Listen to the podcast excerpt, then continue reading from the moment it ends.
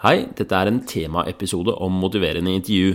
Dere er en del av en sånn minisesong på fire episoder hvor jeg skal intervjue forskjellige helsepersonell som bruker motiverende intervju i jobben sin.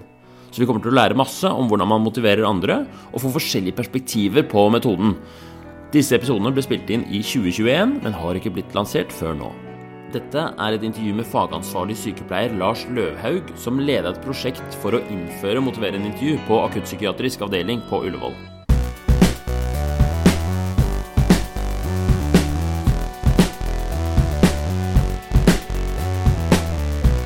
Da tenkte jeg vi kunne begynne med at du presenterer deg selv litt. Hva, hvem du er, og hva du jobber med, utdannelse og litt bakgrunn.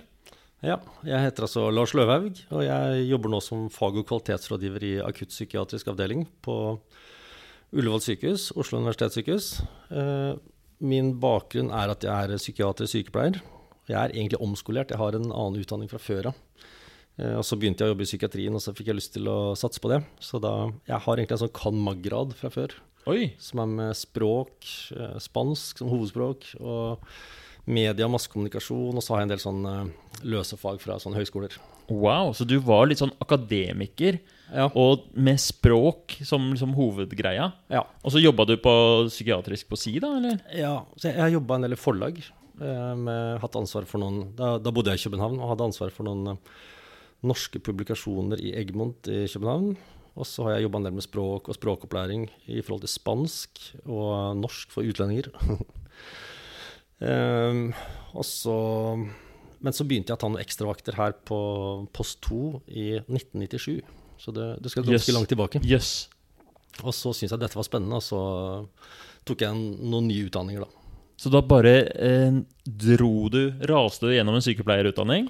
Ja, den tok jeg faktisk til slutt. Først tok jeg videreutdanning eh, på bakgrunn av en sånn eh, Hva heter det sånn Ikke formell kompetanse, men realkompetanse. For da hadde jeg jobba en stund eh, og hadde et sånn visst sånn grunnlag, da. Så fikk jeg ta videreutdanninga først, og så tok jeg den eh, videreutdanning i eh, rusproblematikk, psykiske lidelser og rusproblematikk på Diakonhjemmet. Som handler om sånn integrert behandling og motiverende intervju og, og sånn type ting. Og så tok jeg sykepleien først i 2009. Ok. Veldig baklengs vei, veldig baklengs. men så kult. Interessant. Og det er kult at det går an å gjøre det. Jeg visste ikke at det var mulig å ta eh, på en måte videreutdanningen til sykepleier før man tok selve Nei, det, det høres litt rart ut. Så jeg, jeg prøvde meg, og så gikk det. Så, Så kult. mm. Spennende. Og ehm, så, Men da har du jobba på akuttpsykiatrisk ganske lenge, da? Ja. Siden eh, 1997 så har jeg stort sett jobba full tid, men som ekstravakt da, fram til 2006. Og i 2006 da begynte jeg fast stilling. Da. Og da begynte jeg på post 3. Da var det akkurat en sånn omorganisering. Hvor man hadde tre Eller hadde, hadde sånn allmennposter, og så ble det en sånn uh, fagdifferensiering. Hvor man hadde oppretta en psykose-ruspost, og så en krise-traumepost og en uh, ren psykosepost. Da. Og da var det meningen at den eh, post 3, psykose-rusposten, skulle ta alle pasienter med psykoseproblematikk og, og rusproblematikk. da. At det var liksom profilen. Og da begynte jeg der akkurat da den posten starta opp, så jeg var liksom med på å etablere litt sånn hvordan vi jobba der, da. Så, mm. Så kult. Hva um, Det som er litt av grunnen til at vi har deg på dette intervjuet, er jo at du uh, for ikke lenge siden var med på et eh, prosjekt som hadde med motiverende intervju å gjøre. Mm. Vil du si litt mer om hva det prosjektet gikk ut på? Ja, det, det kom jo i stand fordi vi, vi ville jo gjerne jobbe med den rusproblematikken til pasientene på, på post 3. Da. Eh, For vi så at mange hadde, hadde rusproblemer. Noen var eh, rene rusutløse psykoser, og andre hadde en sånn type tilleggsproblematikk med rus som vi så forverra psykoselidelsen og gjorde de mindre i stand til å ta imot oppfølging for eh, å få hjelp da, for sin psykiske lidelse. Så allerede fra vi starta i 2006, så hadde vi liksom fokus på dette med å jobbe med rus og motiverende samtaler, rusutredninger og innenfor det feltet der. Da. Og så hadde vi en god del sånne type samtaler i årene som fulgte, og lærte opp personalet i å bruke motiverende samtaler. Da. Men vi hadde lyst til å se hvor, mange, hvor mye innvirkning vi klarte, eller hvor mange vi klarte å få til å, å gjøre motiverende samtaler med, og hvordan pasientene uh, syns selv at de hadde nytte av det. Da.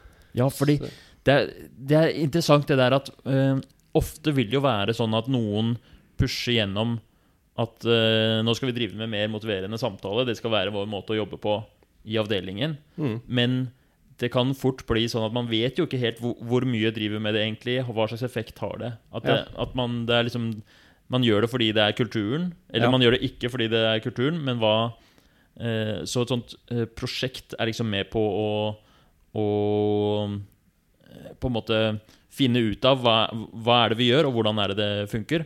Ja. Mm. Også, også, også for å sette i system, da. Vi tenkte liksom Det er naturlig å starte med sånn rusutredning. Og vi ble ganske godt kjent med dette med Audit og Dudit og Dudit E og, og Alkohol-E. Og så hadde vi lagd et sånn eget skjema som vi kalte for um, Audit og Dudit det er sånn der, eh, spørre, Ja. eh, spørreskjema for å finne ut om noen har rusproblem. Ja, det er bare sånn screeningskjemaer. Mm. Eh, som tar liksom fem minutter å bruke. Eh, og vi valgte å gjøre det hos oss som, som et intervju, da. Både for å få pasienten til å gjennomføre hele, hele skjemaet, men også for å kunne svare på spørsmål og, og sånt. da. Så det syns vi var mer valid. Så de, de skjemaene har vi brukt i mange år. Og så så vi også da det kom dette med Do ditt E, som på en måte er en sånn videreføring, en mer sånn videre gransking av, eh, av liksom fordeler, fordeler og ulemper med bruk av rusmidler. Da. Eh, og alkohol-E. Og så lagde vi et sånn skjema for funksjonsanalyse, hvor vi liksom satte, satte noen bokser med liksom for å utforske hva pasienten syns var fordeler og ulemper med å ruse seg, og, og fordeler og ulemper med å ikke ruse seg. I den Det er på en måte skjemabasert. Fordi det her er jo akkurat de spørsmålene jeg stiller hvis jeg har et motiverende intervju. ja, det er det. Så det er skjemabasert motiverende intervju. Ja.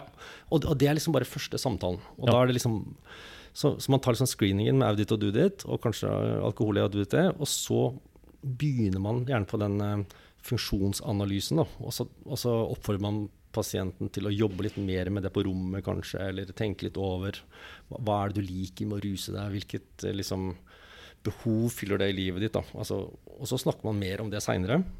Og så lagde vi også en sånn rusmiddelhistorie, med liksom når man starta med ulike typer rusmidler, for å se om var det noe spesielt som skjedde i livet på det tidspunktet da du kanskje begynte med det, det rusmiddelet. Hva var det som liksom, hva er din historie da, med rus, og hvordan eh, har det innvirket på kanskje at du har blitt lagt inn, fått psykiske problemer og sånt.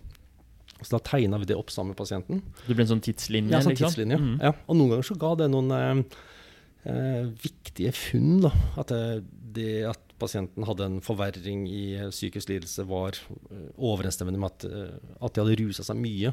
Eller eh, det kunne vært omvendt også, eller at det, at det var noe stort som hadde skjedd i livet, noe dramatisk, noe negativt, som gjorde at det innvirka på rusmiddelbruken. Da. Så det var liksom, ved å, å tegne det opp sånn grafisk med pasienten, så ble det litt sånn lett å se.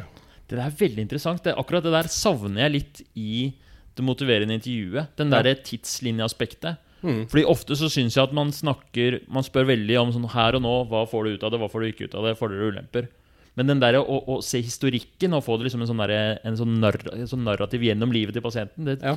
høres umiddelbart veldig fruktbart ut. Ja, og de, vi fikk, de pasientene vi fikk til å gjøre det med, de, de syntes det var veldig ok. Det, det ble liksom tydelig for dem. Uh, mm. Jeg tror alle liker å se altså, det, det er nyttig for alle å se sin historie, de store hendelsene. Selv om det selvfølgelig også kan være belastende å se, å se tilbake på ting som har skjedd. Men allikevel, man blir litt klokere på seg sjøl. Jeg tenker det Motiverende samtale det handler om å bli litt klokere på deg sjøl og de handlingene du gjør, for å finne ut hva man kan gjøre med det, og, og hvordan hendelser og rusmiddelbruk innvirker på ditt liv. Mm. Og psykiske helse, selvfølgelig. er stilig. Ok, Så hadde, så prosjektet besto i eh, å systematisere motiverende intervju og inneholdt bl.a. disse eh, screeningverktøyene i starten og denne tidslinja. Og mm, ja, fortell mer. Hva, hva Etter man har gjort en sånn tidslinje, eller er, er, hva andre elementer er det i, liksom, i pasientforløpet? Eh, altså Den tidslinja den lager man litt sånn eh, når man debuterte med ulike typer rusmidler, og prøver å gå gjennom hyppighet for bruk og hvor mye man brukte av hvert enkelt rusmiddel, og se det i sammenheng med hendelser i pasientens liv. Da. Og, det, og det kan være rent sånn sivile hendelser, som si, skilsmisse og start på skolegang og barn og sånne ting. Men- Sivile hendelser, den Ja. likte jeg. Men, men også sånn i forhold til eh, psykisk tilstand, da. Om, om man selv følte at man var i en, en god psykisk tilstand, eller om man hadde behov for innleggelse, eller var psykotisk, eller Så at man prøver å se det i sammenheng. Og noen ganger så er det et, et sånt, kommer det sånn tydelig mønster. Da. Og dette handler jo om å hjelpe folk til å se at kanskje hvis man ruser seg mye, så er det negativt for den psykiske helsa. Eller, eller hvordan det virker sammen. Da. Altså den dynamikken mellom, mellom særlig rusmiddelbruk og psykisk lidelse. Det er, det er, sånn det psykoedukative rundt det, da, som man kan prøve mm. å visualisere sammen med pasienten. Ja. ja. Det er litt sånn.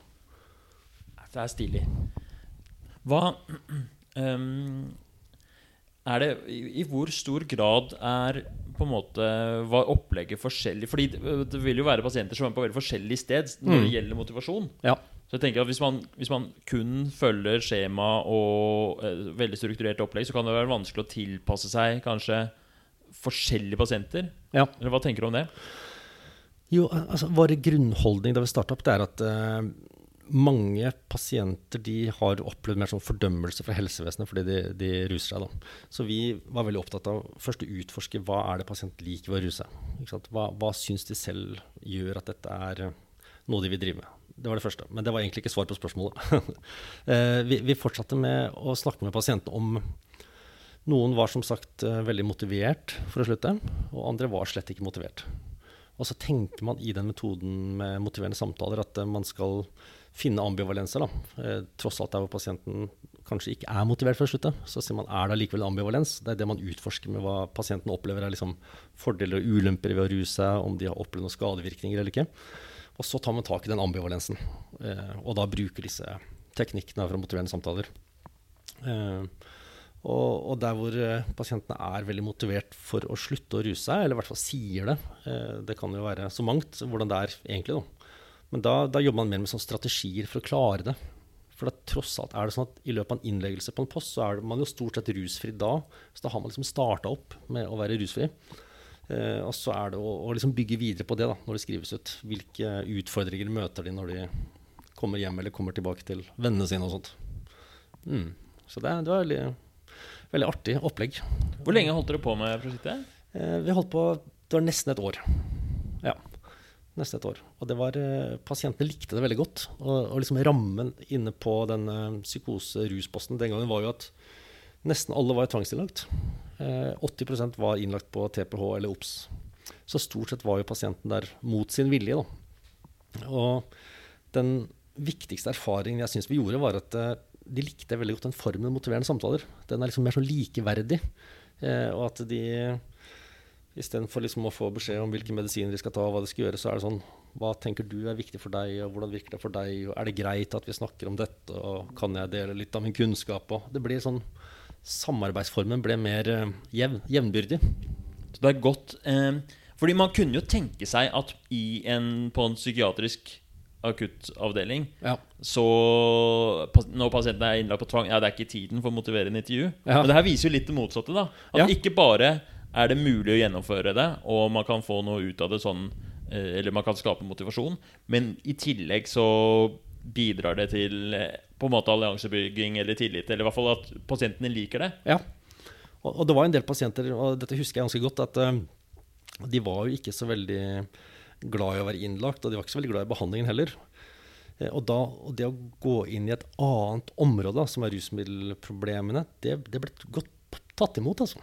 altså de, de, likte det. Eh, og også der hvor vi i noen tilfeller hvor vi på en måte venta på at medisinen skulle begynne å virke, så var det et fint område å ta tak i. Eh, og bevisstgjøre pasienten på, på liksom sammenhengen mellom rusmiddelbruk og de psykiske problemene, som var for noen var ganske bevisste om det, mens andre var det slett ikke. Så, så de syntes at de lærte noen ting. Og det var liksom, vi evaluerte jo, eller pasientene evaluerte oss sjøl hvilket utbytte de hadde av det. Og da, da var det veldig gode tilbakemeldinger. Overraskende gode til å være en akuttavdeling med tvangsinnlagte pasienter. Omtrent. Så interessant. Gjorde dere noe Eller fikk dere noen tilbakemeldinger på om det hadde sånn, altså effekt på ja. rusbruk og sånn senere?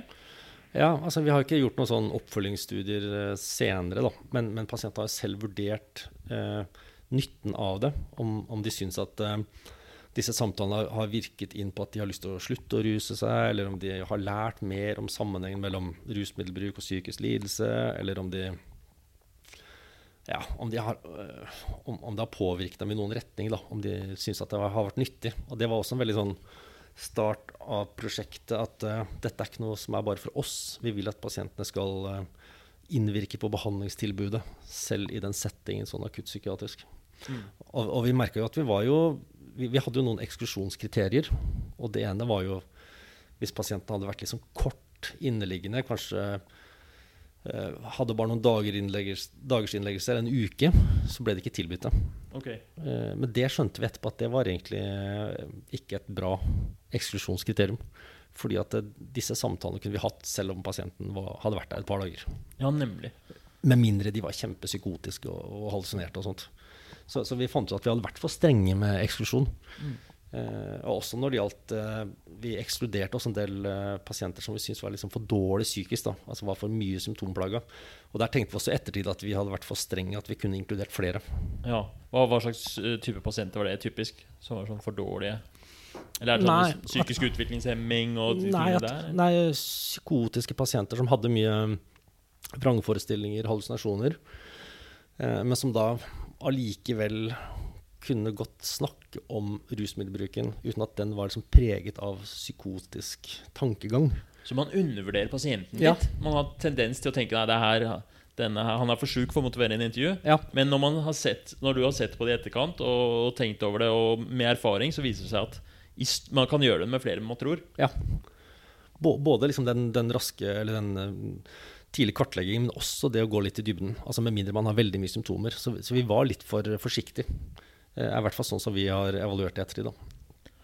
Var det, uh, hva var det som var vanskelig med det, eller var det noe som var sånn å, å, å, å, få til å systematisere, motivere en intervju på en akuttpsykiatrisk avdeling med masse forskjellig personal. Mm. Legegruppe, sykepleiergruppe, sosionom, ergoterapeuter, alt mulig. Mm. Hva var de største utfordringene? Nei, jeg, jeg syns ikke det var så veldig mye utfordringer med det, egentlig. Det var, uh, dette var et sånn sykepleierdrevet prosjekt, først og fremst. Da. Så det var liksom sykepleierne som gjerne ville lære seg denne metoden, og, og, som også holdt disse samtalene med pasientene. Og så hadde vi en psykolog som var veldig engasjert i det, so, uh, Tove Mathisen, som var veldig engasjert i rusproblemene til pasienten. Og så hadde vi en overlege, Eline Jørstad, som også var veldig for denne måten å jobbe på.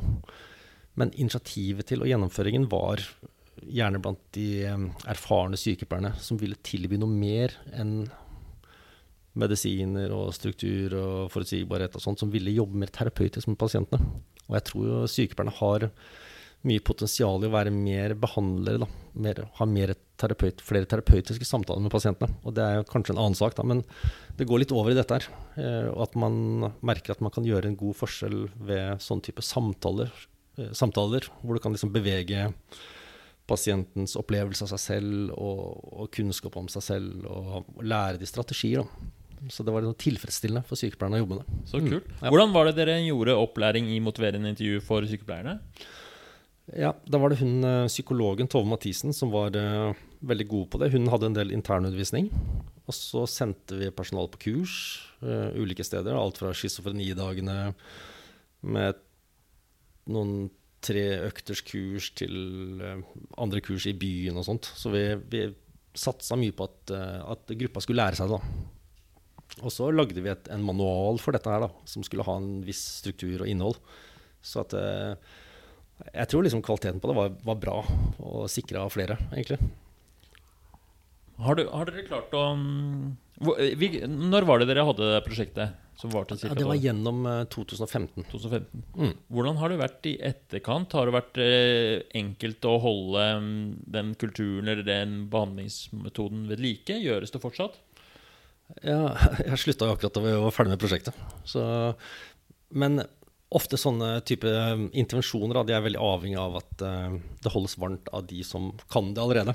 Og jeg vet at det er enkelte som, som var igjen fra da vi hadde prosjektet, som jobber der fortsatt. Så de holder nok uh, mye liksom i hevd. Og så er det om, om, man får lært opp nye til å jobbe på den måten, det, det er sikkert litt sånn varierende. Uh, og så har jo jeg, jeg, så litt tilbake på de tallene i dag. For at uh, i den perioden så hadde vi jo hatt uh, 99 innleggelser. Uh, og nå er det jo enda flere innleggelser i dag, ser det ut til. Da, og enda litt tøffere trykk med flere pasienter som legges inn på tvang enn det det var på den tida. Så man kan jo tenke seg at det betyr at pasientene kanskje er enda litt dårligere psykisk. men man kan allikevel klare å gjennomføre det, men det krever kanskje mer. Og så har det blitt litt sånn fortetting av pasienter som kanskje krever mer enn det som var på den tida. Så jeg, jeg hører jo enkelte sykepleiere si at, uh, at de opplever noen, gang, noen, ganger at de kommer mer tilbake i en litt sånn vokterrolle igjen. da. Ja. Uh, hvor de må liksom passe på i forhold til utageringer, og at mye handler om deeskalering og utageringer, istedenfor å ha disse litt sånn roligere samtalene med pasientene. Mm. Så det, det, blir en litt annen måte å jobbe på. Så det føles som, både før og etter det prosjektet, ja. så var det mer fokus på å være vokter, være eh, ha, ha, den rollen som sykepleier at du driver med, med, med, rammer og sikkerhet, og i mindre grad terapi? Ja, ja den, den vokterrollen ligger litt sånn langt tilbake, egentlig. Men det er sånn fra tidligere tider så, så, var det liksom sånn som miljøpersonalet ble oppfatta, og kanskje oppfatta seg sjøl. At de liksom skulle passe på mye, mens uh, legen og psykologen drev terapi, og så skulle sykepleieren passe på at det ikke skjedde utageringer, og, og ha støttesamtaler og, og, skape trygghet og sånt. Uh, og jeg syns jo sjøl at uh, utover 2000-tallet har det forandra seg ganske mye, hvor sykepleierne brukes mer til litt sånn terapeutiske intervensjoner. Men her på Ullevål så har det jo vært litt sånn hatt noen tøffe år de siste årene da, i forhold til utageringer og sånt. som på en akuttavdeling må man liksom alltid sette inn ressursene der hvor det trengs mest. på en ja. måte. Så, så, det er liksom oppfatningen blant en del sykepleiere at de, de må bruke mer tid på sånn sikkerhetshåndtering da, på en måte, enn en terapeutiske samtaler. Ja. Så det er litt synd på en måte, det. da. Det er litt synd, men ja. Eh, det er jo kult. Altså, en akuttpsykiatrisk avdeling det er jo der hvor pasientene er på de, sitt sykeste. Ja. Og um, Altså Hovedbudskapet her tenker jeg det, der, det at til og med her ja. så er det så mye å hente ja. på å innføre systematisk motiverende samtale. Det er det. Og det er veldig rom for det i dag også. Og jeg vet det gjøres fortsatt. Så det, det, gjøres sikkert ikke like strukturert som da det var et prosjekt, men jeg vet at det gjøres fortsatt, og at det er eh, nyttig. Hvilke elementer av motiverende samtale tror du er liksom Eller det kan, er jo sikkert flere, da, men hva, hva, vil du trekke fram som de viktigste tingene ved motiverende samtale som gjør at det funker så bra? Ja, Det er, det er for det første formen. Det er liksom likeverdigheten. da At man snakker til hverandre som likeverdige. Det er det ene. Og, da, og, liksom i forlengelse av det så er det det at uh, man ser på pasienten som ekspert på sitt eget liv. Uh, og at man som behandler eller samtalepartner er litt mer ydmyk og lyttende. Det tror jeg de liker veldig godt. Eh, og måten man deler kunnskap på, det, det handler om at eh, kan jeg fortelle litt om dette her, jeg, hva jeg vet om det, eh, istedenfor at, at det er sånn ikke-fordømmende. At det er sånn 'Dette må du slutte med. Ser du ikke at du blir psykotisk av dette her?' Og, og sånn, sånn, som kanskje Eller noen pasienter forteller at de har erfaring med. da. Den pekefingeren. da. Så ja. dette, dette, er sånn ikke, dette er sånn fra et sånn helseperspektiv. Det er ikke sånn fra et moralsk eller lovmessig perspektiv. Og det var liksom noe vi snakka mye med pasientene om. at dette er vi har selvfølgelig taushetsplikt, og vi er helsepersonell, og vi bare tenker den helsemessige effekten av dette er det. Ikke mm. at uh, Du trenger ikke bekymre deg for at, uh, at, vi vil rapportere til politiet at du røyker hasj, liksom. Og det, og det, er viktig for de unge som kanskje kan tro at uh, lurer på hva, hvorfor vi spør ja. om det. De ja. kan bli litt sånn mistenksomme, da. Ja. Mistenksomhet er jo også et vanlig symptom her på huset. Ja, nettopp. ok, kan du si litt mer om um, Det er et eller annet med det prosjektet her som det har har det påvirket hvordan altså, Vi var litt inne på det, hvordan det påvirker eh, sykepleierens rolle ja. på en sånn post. Ja. ja, så det var jo Vi merka at uh, gjennom et sånn type prosjekt, eller med hvordan sykepleierne jobber på den måten her, så, så ble rollen til sykepleierne annerledes på postene. At de fikk mer ansvar i det å, å drive terapi med pasientene. Og, og det det ga mye selvtillit til sykepleiergruppa. Eh, på en måte, og De følte at de påvirka behandlingen av pasientene mye mer. Og det er litt sånn, sånn fra tidligere tider så, Og det er vel kanskje også sånn nå at, eh, at noen eh, sykepleiere oppfatter seg sjøl som at de, de, de, bare er liksom assistenter i behandlingen. Eh, hvor legen går rundt og sier hva som skal gjøres, og de bare skal passe på pasientene. Men nå var det mer sånn de, det ga en sånn egen sånn selvtillit da, i, i gruppa til å være med og påvirke behandlingsutfallet til pasientene. Det må jo gi mestringsfølelse og være gøy ja. og, og, og, en kulere måte å jobbe på når man er litt mer sånn ja. Har det ansvaret også. Ja. Mestringsfølelse og, og selvtillit. Helt mm. klart. Så, og akkurat det med sånn, Jeg sjøl som har jobba mange år med, med tunge eh, psykosepasienter. Så det er mest i forhold til de pasientene med rusproblematikk. At de har fått liksom sånn, at de har kommet tilbake og takka for hjelpa. Uh, og jeg husker vi hadde en, eh, en uh, ung gutt, han var vel bare så vidt over 18 år, som var innlagt for tredje gang. Og hver gang han var inne, så jobba vi med motiverende samtaler. Uh, og, og prøve å få han til å se sammenhengen da, mellom det å ruse seg og bli psykotisk. Og I starten så trodde han ingenting på det, og ved andre innleggelse så var det kanskje litt mer forståelse. Og da han var innlagt for tredje gang, så og da, Jeg kjørte ganske hardt på han da, og sa at liksom, sant, her er Se sammenhengen. Eh, og da ble han nok ganske motivert tredje innleggelsen. Og etter det så har jeg ikke sett han. Og så, og så plutselig ringte det på, på døra en dag, eh, noen uker etter innleggelsen, og da kom han for å takke for hjelpa. Og da sa han at liksom, den tredje gangen vi hadde motiverende samtaler, da hadde han skjønt det. At, at han måtte slutte å røyke hasj. Fordi at han ble psykotisk av det. Og fortalte at han hadde begynt å jobbe, fått seg en jobb, eh, og, og liksom livet hadde blitt helt annerledes. da. Så det, det, var veldig, og det er ikke så veldig ofte man hører det, i hvert fall jeg har hørt det, i at pasienter har kommet etterpå for å takke for hjelpa. Det er helt utrolig. Ja, det, er, det, her er jo den pasientgruppa hvor man ofte sitter med en følelse av sånn Nei, det er ikke håp. Det er, ja. det er så tungt og ja. inngrodd og Ja, og jeg har ikke sett han her siden. Altså, han, det er helt fantastisk, da. Så det, det, tror jeg akkurat det å jobbe med rusmiddelbruket hans, det har gjort at han har også fått uh, At han ikke blir psykotisk lenger. Ja. Det er derfor, ja. Fy søren, det er jo derfor vi er Altså hvis, hvis, man, eh, hvis, man, bare har én sånn pasient i løpet av livet sitt, så har ja. man jo gjort noe godt, liksom. Ja. Og det er, det er, ikke så mange timers arbeid heller. Altså Motiverende samtaler er jo effektivt. For at du snakker en time eller to, og så noen dager kanskje det samme, liksom. Og så, og så kan det ha så stor innvirkning. Så det, det er veldig gøy, da. Gratulerer med det. Ja. Da. det var, Fy søren, det er jo til å bli stolt av. Ja, det er jo det. Ja. Mm. Nei, men bra. Og ja. fantastisk for han at han øh, klarte det, å komme seg ut av det. Altså, det kan Når du er innlagt tre ganger med psykose ja. i, i, en alder av 18 år, ja. så er det jo noen varsellamper der. Ja, det er det. Så, så, er det å prøve å skjønne hvorfor dette utvikler seg. Da. Og, og at rus, rusmiddelbruk har mye innvirkning på det. Da. Og det vet vi jo en del om. Men, øh, mm. Nei, det var morsomt. Ja, dette var kjempeinteressant. Eh, vi runder av der. Og mm. jeg vil si tusen takk for at du har stilt intervju. Ja. Det kan godt hende at eh, vi, vi, tar en ny samtale en dag, for det, det, er jo masse mer å snakke om her. Ja, og jeg, jeg vil gjerne påpeke at eh, vi var en liten gruppe som gjorde dette. Det var, uh, vi var en gruppe av fire-fem stykker som var veldig engasjert i dette. her Så jeg liksom leda prosjektet, men vi var en, en liten gjeng, da. Ja. Så kanskje jeg skal name-droppe de òg? Ja, name-drop. Ja, ok. Det var altså Kjersti Lund Oslandsbotn, og så var det Maja Sandberg, og så var det Øyvind Livelten, og så var det Ane Gjølbo, eh, som var vel med i den gruppa. Og så var det da Silje Ranstorp som var enhetsleder. Eh, i den perioden. Og det er hun fortsatt nå også. Ja. Shout-out til den ja. gjengen ja. som virkelig gjennomførte et års fantastisk motiverende samtaleprosjekt.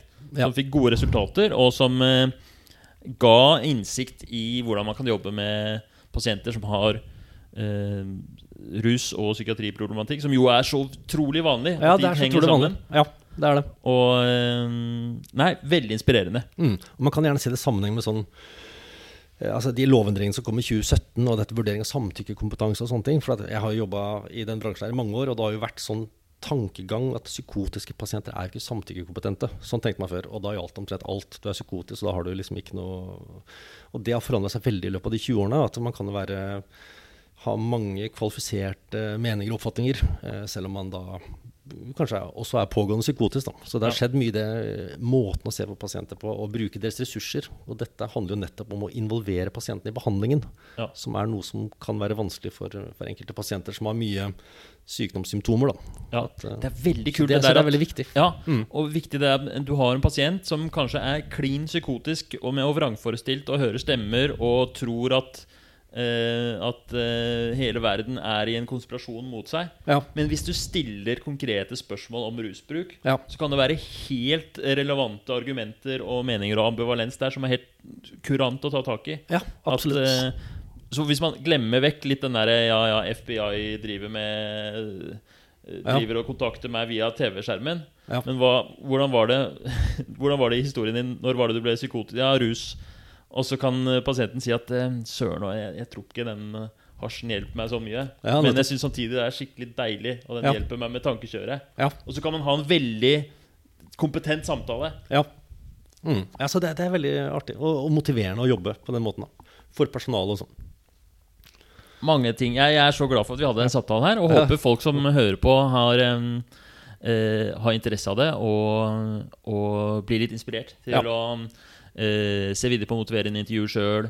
Kanskje, hvis man jobber over et sted, ha en samtale om man kan eh, innføre det litt systematisk. Ja. Eller bare, bare prøve det med sine pasienter. Ja. Er det, Hvis noen har lyst til å stille deg spørsmål eller um, lurer på noe, eller har lyst til å ta kontakt, er det noen mm. måte man kan uh, nå deg på? Ja, man kan skrive en mail, f.eks. Uh, skal jeg si mailadressen min? ja, den finner man sikkert hvis man eh, googler Lars ja. Løvhaug. Ja, det gjør man sikkert. På Oslo universitetssykehus. Perfekt. Ålreit. Mm. Takk skal du ha. Ja, takk for meg.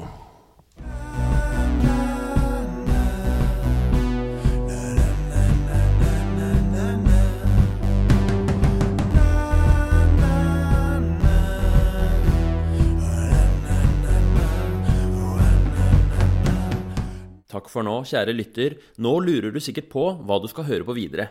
Og da har jeg et tips til deg. Du kan gå til Spotify og så sjekke ut min mental helsemusikk. Det er et helt nytt konsept, en ny sjanger, rett og slett, som beveger seg i grensen mellom musikk og mental trening, mentale treningsøvelser. Det baserer seg på prinsipper fra motiverende intervju. Den mest populære låta den heter Morning Routine. Den er laget for å gi deg en god start på dagen. Og 1.1 så kommer det også et helt nytt album. Det er designet for å nesten hypnotisere deg til å bli motivert til trening. Så det jeg har tenkt, er at nå skal det bli mulig å gjennomføre nyttårsforsettet ved å høre på disse låtene. Hele albumet er ikke mer enn ti minutter, men det gir deg sånn knallhard motivasjon til å trene. Så det gleder jeg meg til å vise fram. Så gå inn på Spotify, finn Herman Egenberg MD. Gjerne følg profilen min der, det hjelper jo meg, men da får du også beskjed når det kommer nye låter og album. Og det kommer du til å gjøre hele tiden framover. Ålreit, da ønsker jeg deg en god dag videre.